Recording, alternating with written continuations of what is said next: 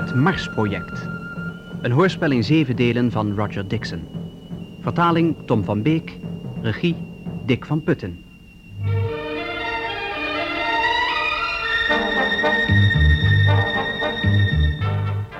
Eerste deel. The Lemmings.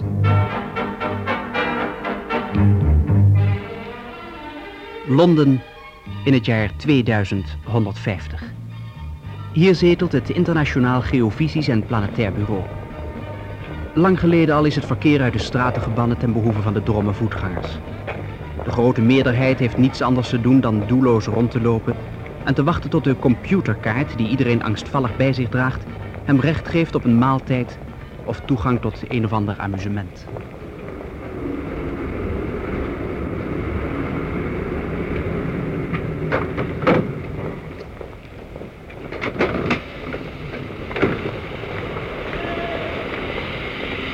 Neemt u me niet kwalijk, heer? Mag ik even uw pasje zien, alstublieft? Natuurlijk, hier zijn ze. Alsjeblieft. Dank u. Professor Tony James? Dat ben ik, ja. Oh, lijkt niet erg, als ik zo vrij mag zijn. Lijken zulke foto's ooit ergens op? Kijk maar eens naar de mijne. Dr. Ivor Johnson. Dat ben ik, ja. Ja, inderdaad, flatteus kietje. Dank u, heren.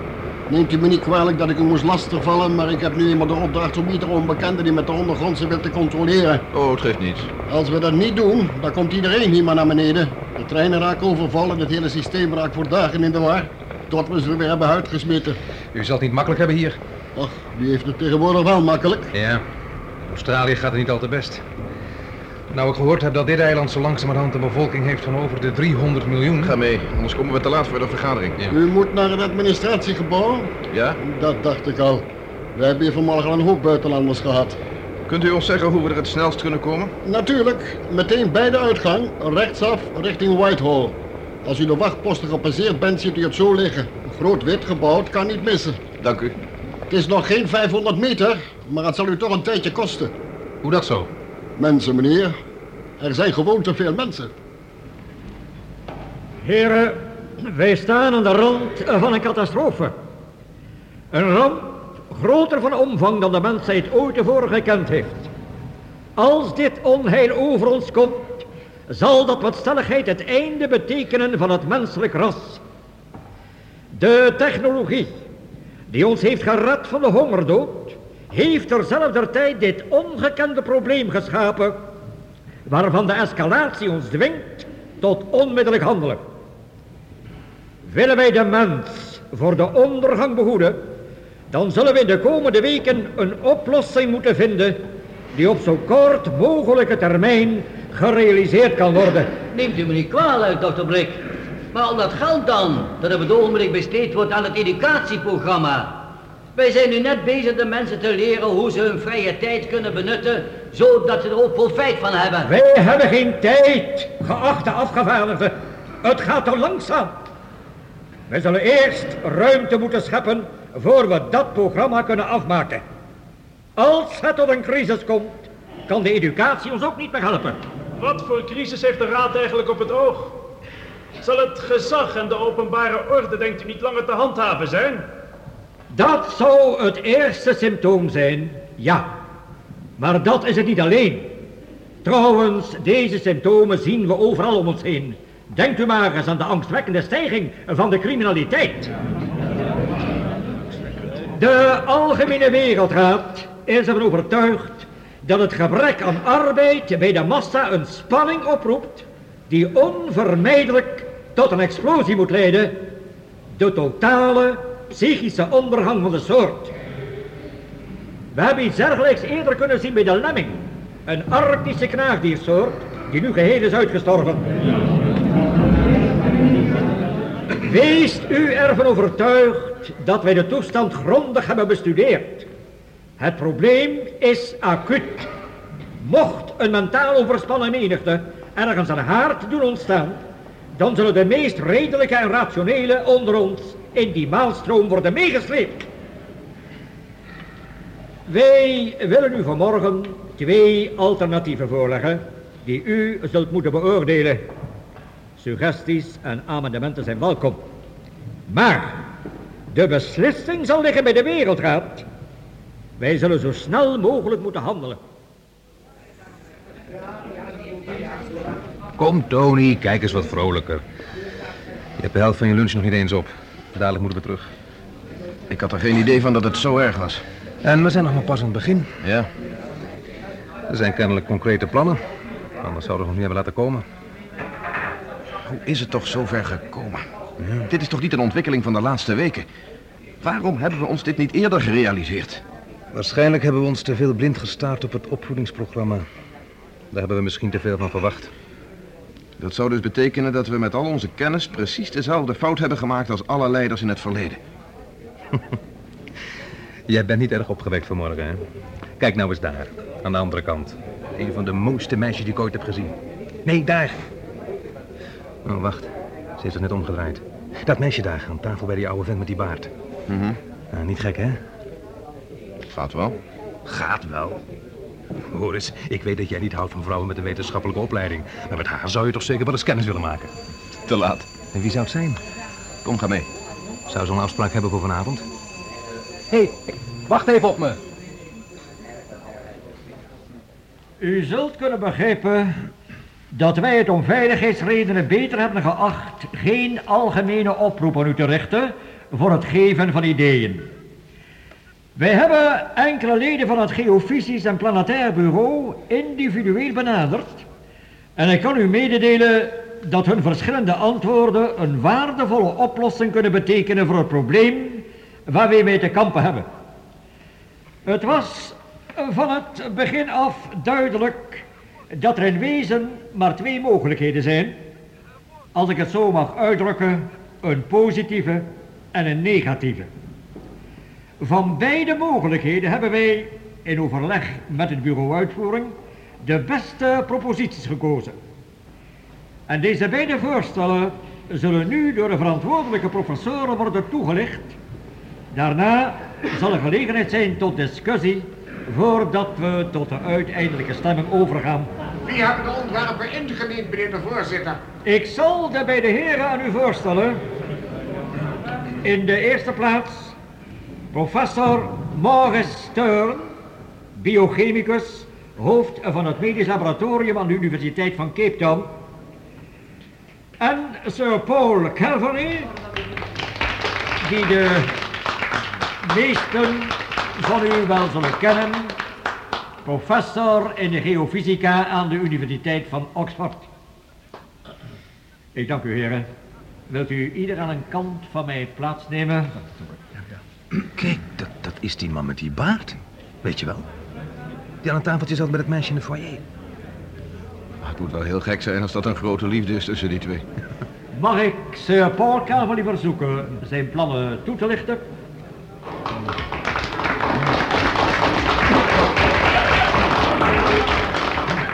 Ik dank u zeer, Dr. Brick. Dames en heren. De mensheid is zo geavanceerd. Ons technisch kunnen heeft zulke hoogten bereikt. Onze mogelijkheden lijken grenzeloos.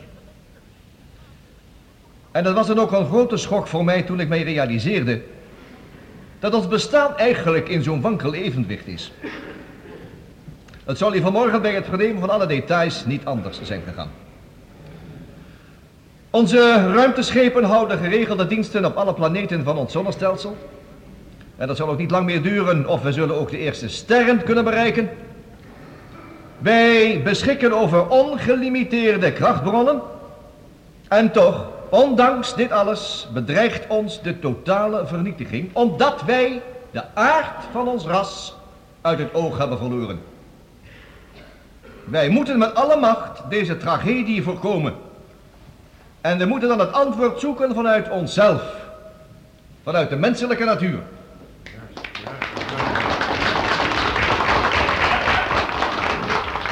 Ik denk dat ik straks voor hem stem. Stil, stil. U heeft gehoord hoe onze voorzitter, Dr. Brick, de plannen van mij en mijn geachte collega Stern heeft beschreven als tegengesteld in de zin van positief en negatief. Dames en heren, het is voor mij een genoegen u het plan voor te leggen dat in alle opzichten positief genoemd kan worden.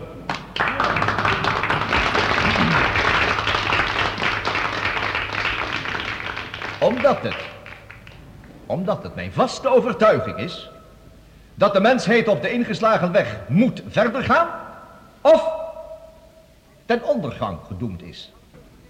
Ieder alternatief is onmenselijk, betekent een teruggang en kan op lange duur alleen maar leiden tot een algemeen ontwikkeling.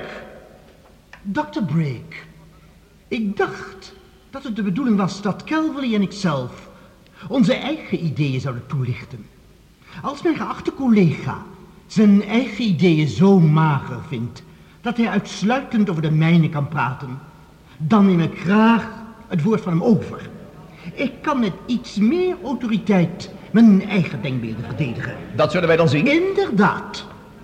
Maar waarom laat u deze vergadering niet verlopen op de manier zoals we hebben afgesproken met de voorzitter? Waar het om een sprookje gaat, is een kleine afwijking van de regel toch wel toegestaan. En mijn heren, als ik refereer aan het plan van collega Stern, dan kan ik u verzekeren dat het is gebaseerd op Green. Dr. Brake, Hij heeft geen enkele kans. Erg genoeg zoals het is. Dr. Brick, ik moet u verzoeken Calvary tot de orde te roepen. Sir Paul, het lijkt me beter dat we het debat uitstellen tot later. Gaat u door. Ik dank u zeer, Dr. Brack. Het was niet mijn bedoeling iemand belachelijk te maken. Omdat de realiteit zo beangstigend is, heb ik mijn toevlucht gezocht in de humor. Zoals soldaten elkaar moppen vertellen voordat ze naar het slagveld worden gestuurd. Zoals ik hier sta, bevind ik mij tussen twee kwaden. Ten eerste is de dreiging van de totale ondergang te wijten aan het gebrek aan beleid, aan kortzichtigheid, zo u wilt, in het verleden. Het tweede is de oplossing die gesuggereerd wordt door mijn geachte collega hier. Oh nee, nee, nee, wees u maar niet bang, ik zal er niet verder op ingaan. Behalve dan dat ik zeggen wil dat er op, het, dat er op geen enkele manier een alternatief in uitzicht wordt gesteld. Sir Paul, als u en professor Steur de vergadering de verschillende plannen hebt voorgelegd, is er voldoende gelegenheid voor ieder van u om het plan van de ander van commentaar te voorzien, nog voor de algemene discussie. Ik dank u. Ik zal u niet langer in het ongewisse laten over mijn voorstel. Er is maar één oplossing voor de benarde situatie waarin de mensheid op het ogenblik verkeert.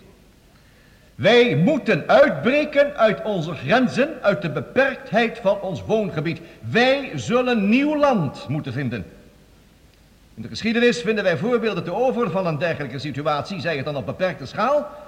En steeds was het antwoord hetzelfde, expansie en emigratie. Wilt u suggereren dat een deel van ons naar de maan moet gaan om daar te wonen?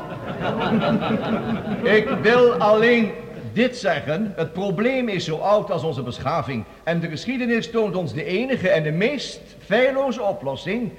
Wij moeten ruimte creëren. En dat zo snel mogelijk. Nog zeer onlangs heb ik eh, in het geheim, met geen andere medewerker dan collega Wallace Bear, onderzoekingen gedaan. Hij zou u daar straks alle details van voorleggen.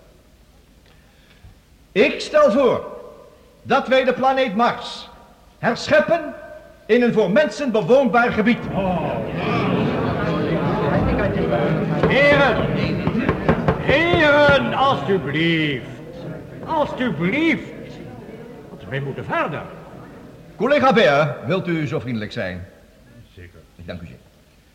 Collega Beer is zojuist terug van een missie waarop onderzoekingen hebben uitgewezen dat de theorieën waarop mijn plan is gebaseerd juist zijn.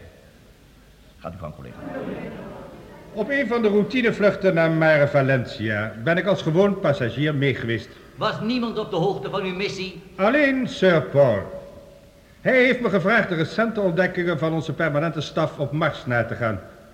Daar heb ik overigens geen enkel geheim van gemaakt. Maar natuurlijk had niemand er enig idee van waarom het zo belangrijk was om deze informatie uit de eerste hand te hebben. Dank u. Gaat u verder, alstublieft. Zoals u bekend zal zijn, wisten wij al zeer veel over de planeet Mars. Nog voordat we daar ooit een voet gezet hadden. De astronomie en de verschillende instrumenten die wij per ruimteschip hebben overgebracht, hebben ons geleerd dat de diameter ongeveer de helft is van die van de aardbol. Maar omdat er aan de oppervlakte praktisch geen water voorkomt, is er ongeveer net zoveel land beschikbaar als op aarde. U ziet, dames en heren, als ik eh, collega Berg hier even in de reden mag vallen. U ziet dat wij hierdoor dus de gelegenheid hebben ons woongebied te verdubbelen en zodoende de druk waaronder wij leven te halveren. Om van andere voordelen nog maar niet te spreken. Datzelfde zou je kunnen zeggen van iedere andere onbewoonde planeet Calvary. Wou jij de helft van de mensheid in ruimtepakken laten rondlopen? Uh, ja, een ogenblik graag. Het uh, betekent ook dat hetzelfde evenwicht gehandhaafd blijft. Er zou dus geen vermindering van spanning optreden. Dat is dan 1-1 voor u. Zullen we ons dan nu weer aan de regels van deze vergadering houden? Gaat u verder. En natuurlijk zullen wij ons grote inspanningen moeten getroosten om ons een gunstig leefklimaat te scheppen. Maar hebben ooit pelgrims of pioniers, emigranten of ontdekkingsreizigers een gespreid bekje gevonden in nieuw ontdekte streken? Is er ooit een nederzetting ontstaan zonder strijd? En we weten in elk geval dat er op Mars geen indianen wonen. We hebben er tenminste nog geen totempaal gezien. Maar, dames en heren, hoe dan ook. Een diepgaande studie heeft uitgewezen dat verhoudingsgewijs onze technische middelen in aanmerking genomen onze problemen op Mars niet groter zijn dan die van de eerste pelgrims. Collega Ber. Op het ogenblik is het onderzoekscentrum van onze vaste staf gehuisvest onder een enorme plastic koepel, waarin kunstmatig de aardse atmosfeer wordt nagebootst. Op dezelfde manier zoals dat gebeurt bij de verschillende maanstations.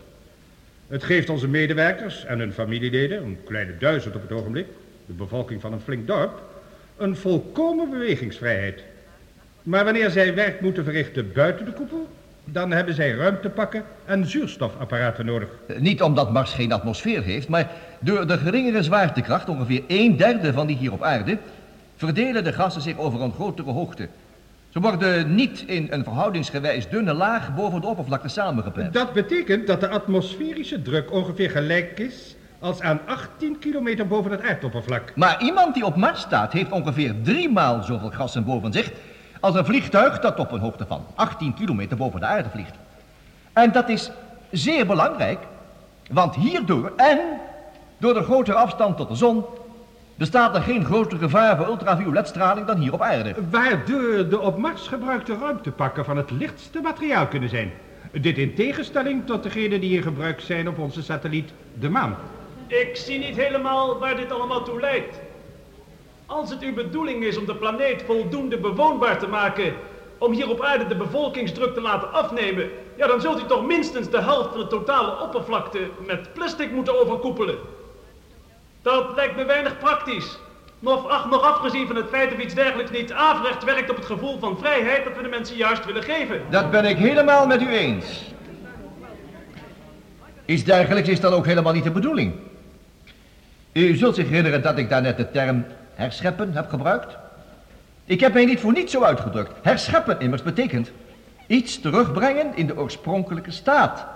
En dat heeft natuurlijk niets te maken met plastic koepels. Recente vondsten hebben aangetoond dat zo'n 200 miljoen jaar geleden de oppervlakte van Mars begroeid moet zijn geweest. Plantengroei, anders dan onze, maar toch vegetatie. Er zijn ook tekenen die erop wijzen dat er enige vorm van dierlijk leven bestaan heeft. Met of zonder intelligentie, dat zullen wij waarschijnlijk nooit meer kunnen achterhalen. Maar in de loop van miljoenen jaren is de planeet opgedroogd. Flora en fauna gingen ten onder. Waarschijnlijk trok het leven zich hoe langer hoe meer terug op nog vochtige plaatsen, tot ook die verdwenen.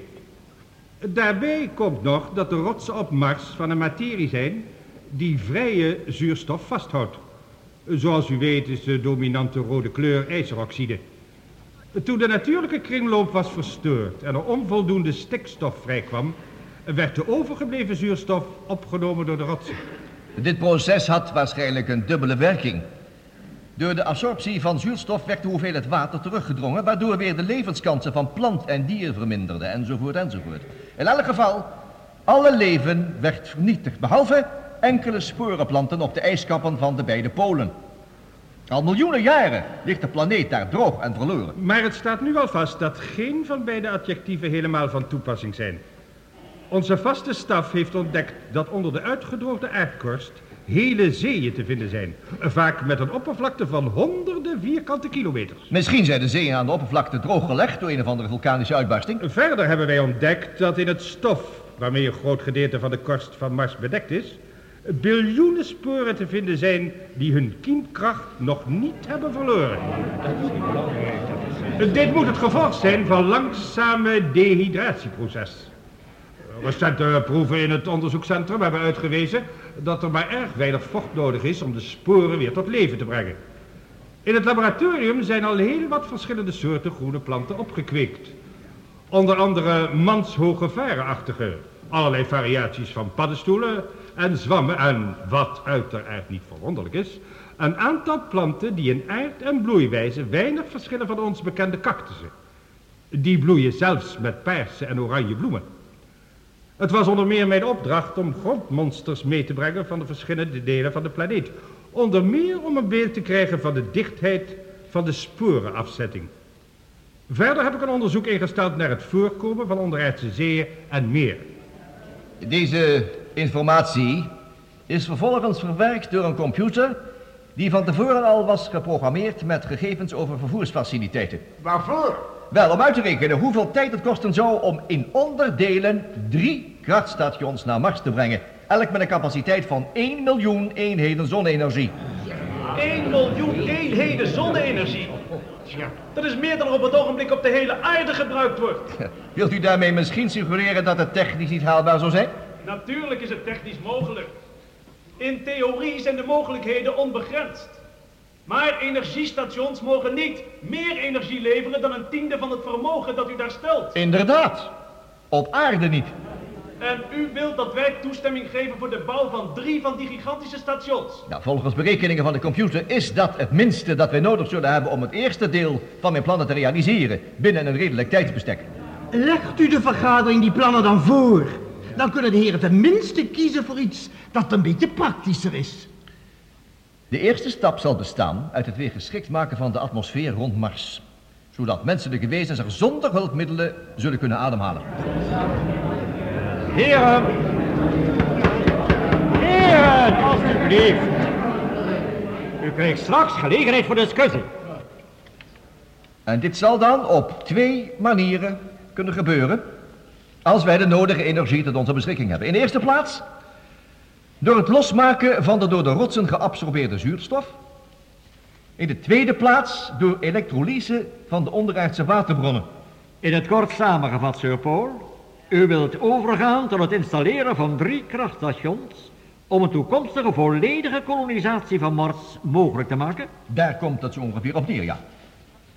Als wij erin slagen op Mars een zuurstofgehalte te bereiken van een derde van die van onze eigen dampkring, meer heeft het menselijk organisme niet nodig gezien de geringere aantrekkingskracht, dan volgt de rest vanzelf.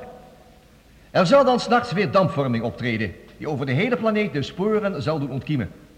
De natuurlijke uitwisseling zal weer op gang komen, waardoor het proces wordt versneld.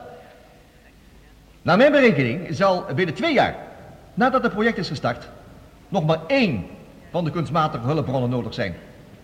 Dan zal met behulp van één energiestation het zuurstofgehalte op peil gehouden kunnen worden. De andere twee kunnen dan worden uitgeschakeld of op geringe capaciteit verder werken om voldoende water naar de oppervlakte te brengen om een normale landbouw op gang te helpen. Binnen zes maanden zal het al mogelijk zijn korte tijd buiten de plastic koepels te verblijven zonder extra zuurstoftoevoer. Nog enkele maanden later zal de eerste vegetatie zich aandienen en ongeveer een jaar daarna zullen wij kunnen beginnen met de eerste nederzettingen. Er zal zich voor onze ogen een wonder voltrekken, mijn heren. Opeens zal de planeet weer in bloei staan. Zoals de Chinese papiersnippers, als je ze in het water gooit, plotseling een kleurige bloementuin vormen. Wij zullen de op handen zijnde crisis kunnen bezweren. Niet alleen, niet alleen door het welslagen van het project zelf, maar ook door de daaraan verbonden noodzakelijke krachtsinspanning die ons aan het werk houdt, zodat we tijd winnen voor het educatieve programma. Het ondernemen van dit grote project zal de mensen, zelfs de meest desperaten onder ons, weer hoop geven. Mijn heren, in de pauze direct nadat collega Stearns een alternatief gesteld heeft, zult u in de koffiekamers de tot in details uitgewerkte plannen kunnen vinden, compleet met de bijbehorende hulpprogramma's en de te verwachten resultaten. Dames en heren, ik dank u zeer.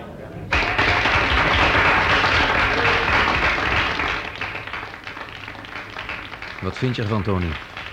Laten we eerst maar eens luisteren naar wat die ander te zeggen heeft. Dank u zeer, Sir Paul, professor Baer. Dan zal nu voor u spreken professor Stern.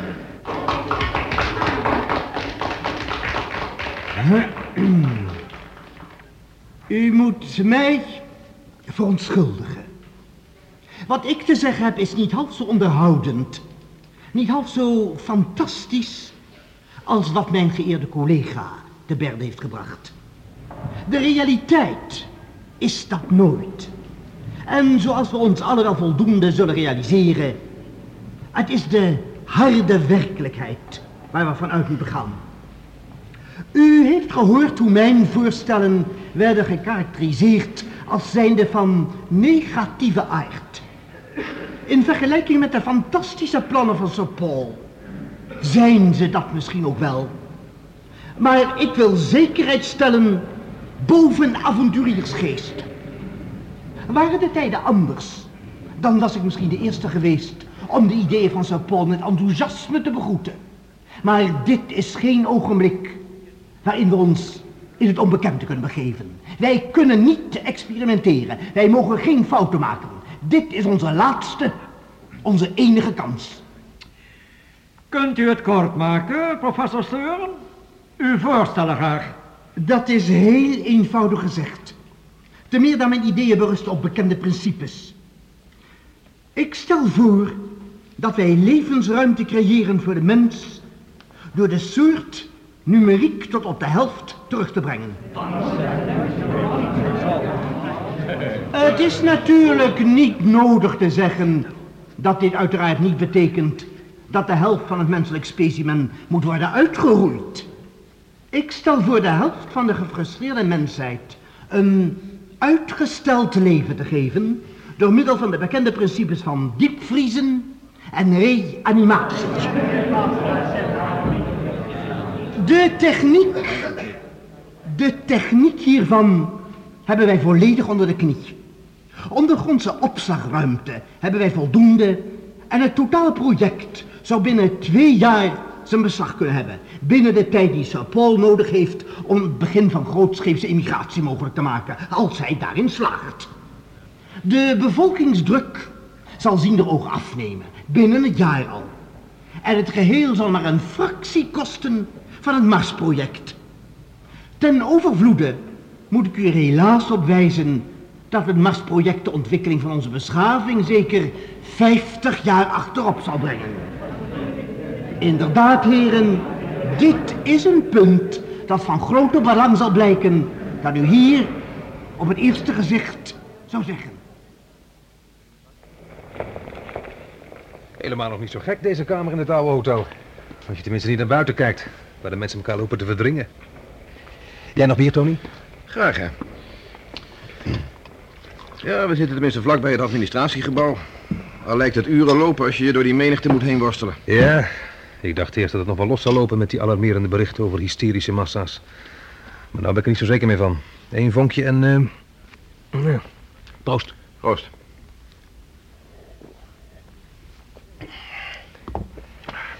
Zo, ik ga eerst even lekker liggen voor het eten. Zo, dat is beter. Hoe is jouw bed? Lekker. Nou, wat denk je ervan? Ik dacht dat we er tot morgen niet meer over zouden praten. Je hebt gelijk, maar wat denk je ervan? Wat één ding betreft heeft Steun gelijk. Dit is onze laatste en enige kans. Maar wat vind je van die drie krachtstations met die energieontwikkeling? Dat zal technisch niet zo moeilijk zijn. Maar hoeveel land zal zoiets in beslag nemen? En in hoeverre worden de onderaardse waterbronnen uitgeput? Hier staat 15% van het beschikbare land. Ja. Ongeveer 40% van de tot nu toe bekende waterreserve zal worden gebruikt. Wat doen we? Op het ogenblik staken de stemmen, 18 tegen 18. Morgen zijn wij aan de beurt om onze stem uit te brengen. Voor mij heeft dat plan van Kelverleer twee grote nadelen. Hm. In de eerste plaats duurt het langer voor er eventueel resultaten worden bereikt. Aan de andere kant zal er in die tijd volop werk aan de winkel zijn en dat is natuurlijk niet ongunstig. Precies. En het tweede nadeel? Er is niet met zekerheid te voorspellen wanneer precies het zuurstofgehalte een bepaald niveau heeft bereikt, zodat de energietoevoer kan worden verminderd.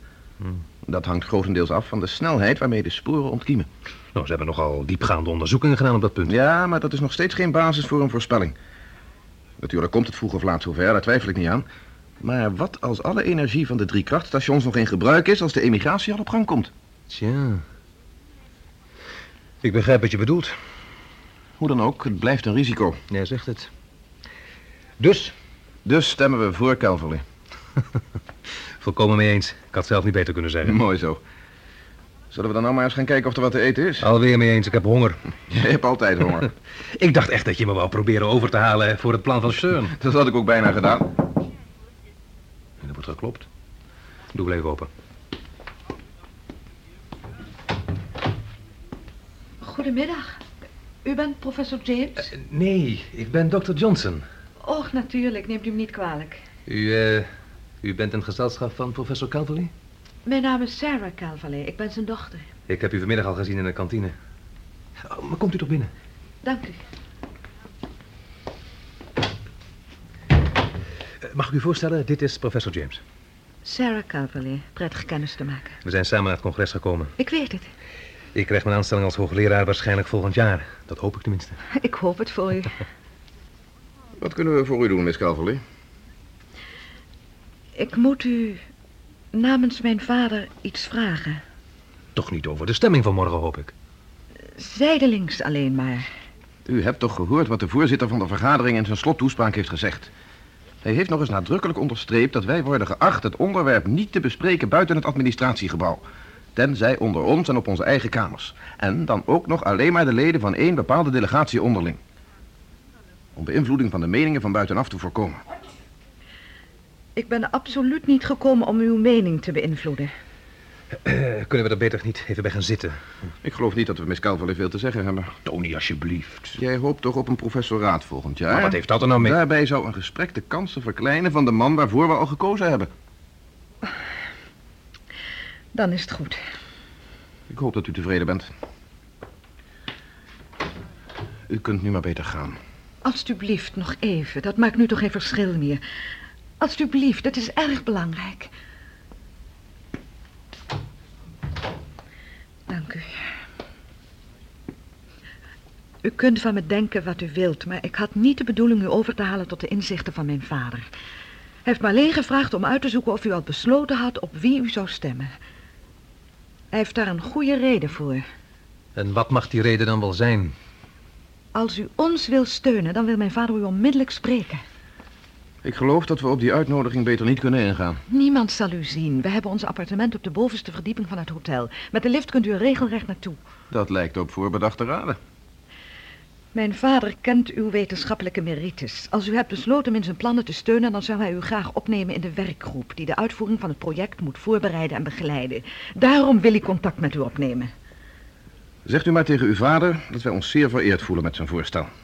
We blijven graag na de conferentie hier om een en ander met hem te bespreken. Maar voordat de vergadering een bindende beslissing heeft genomen... kan ik onmogelijk ruggespraak met hem houden. Laat ik u dan nog iets anders vertellen. Twintig jaar geleden werkte professor Stern onder mijn vader in Oxford. Dat wist ik niet. Ik vertel u de waarheid. Ga verder. Stern is een briljant geleerde. Mijn vader had erg veel met hem op. Tot hij ontdekte dat Stern bezig was met een reeks experimenten van een ongelooflijke wreedheid. Hij werd op staande voet ontslagen en mijn vader heeft ervoor gezorgd dat hij in Engeland geen enkele kans meer kreeg. Juist, ja. Waarom is daar nooit rugbaarheid aan gegeven? Om u de waarheid te zeggen... Stern deed zijn experiment weliswaar in het geheim. Mijn vader wist er niets van. Maar als hoofd van het laboratorium was mijn vader toch verantwoordelijk voor wat er gebeurde. Natuurlijk. Mijn vader wordt beschouwd als een groot man, meneer James. Het heeft er niets mee te maken dat ik nou toevallig zijn dochter ben, als ik dat zeg. Nee, het is gewoon zo. Maar hij heeft ook zijn fouten, wie niet? Hij was zo verdiept in zijn eigen werk dat hij zijn assistenten niet voldoende in het oog hield. Die fouten heeft hij later nooit meer gemaakt. Toch heeft hij in dat tijd het hele geval doodgezwegen. Zo groot was hij nou ook weer niet. Dat heeft hij niet alleen voor zichzelf gedaan. Niemand vindt het leuk als zijn wetenschappelijke reputatie gevaar loopt... maar hij was in de tijd net bezig met zijn publicatie... over het vroegtijdig ontdekken van aardbevingen. Dat heeft hem zijn internationale faam bezorgd. Ja, daardoor is hij beroemd geworden. Ja. En dat vond hij wel plezierig. Het heeft in ieder geval duizenden mensenlevens gespaard. Om nog maar niet te spreken van al het lijden dat hij heeft kunnen voorkomen. Daar hebt u weer gelijk in. Mijn vader dacht dat hij het juiste besluit had genomen, althans in het belang van de wetenschap. Tot een paar maanden terug. Om precies te zijn, toen Stern en hij al een poosje bezig waren met de uitwerking van hun plannen. Wat was er dan gebeurd? Op een avond kwam er een jonge man bij mijn vader. Die had een poosje gewerkt als assistent op het laboratorium van Stern. Ja. Hij vertelde een verhaal dat zo fantastisch klonk dat mijn vader in het begin niet eens wilde geloven. Wat voor verhaal? Op een avond, toen hij had overgewerkt, hij was in zijn eentje aan een bepaald onderzoek bezig en niemand wist dat hij nog in het gebouw was, kwam hij langs het kantoor van Dr. Hilda Rand, dat is de naaste medewerkster van Steun. Daar ving hij toevallig een gesprek op, waaruit hij opmaakte dat dat hele invriesproject alleen maar bedoeld was als middel. Tot wat? Als middel voor Steun om een greep te doen naar de wereldheerschappij. Dat kan niet. Die jonge man heeft zich verborgen gehouden totdat iedereen weg was. Toen heeft hij het kantoor van Dr. Rand doorzocht. Heeft haar bureau opengebroken en daarin deze papieren gevonden. Een lijst van de leden van de Wereldraad. Er ontbreken drie namen. Leden van de onderafdelingen. De ontbrekende drie zijn alle drie persoonlijke vrienden van Stern. En dat waren precies de mensen die hem hebben aanbevolen als de beste man voor het opstellen van een plan om onze beschaving uit de impasse te halen.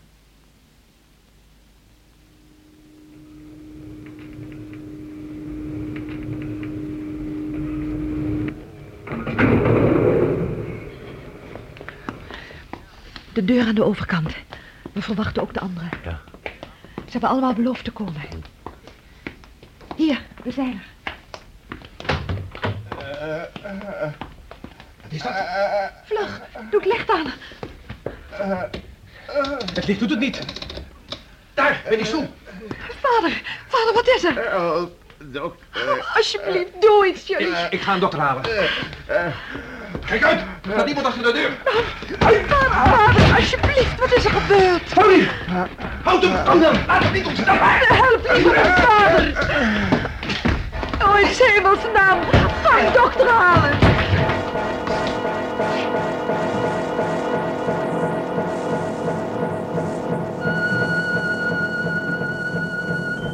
The Lemmings was het eerste deel van Het Marsproject. Een hoorspel in zeven delen van Roger Dixon. Vertaling Tom van Beek. De rolverdeling was als volgt. Een inspecteur Jos van Turenhout. Tony James Paul van der Lek. Ivor Johnson Hans Veerman. Dr. Brick Komma Klein. Drie gedelegeerden Maarten Kaptein Jos Lupsen en Jos van Turenhout. Sir Paul Calverley Jan Borkes. Sarah Calverley, Willy Bril. Professor Stern, Paul Deen en professor Baer, Willy Ruys. De regie had Dick van Putten.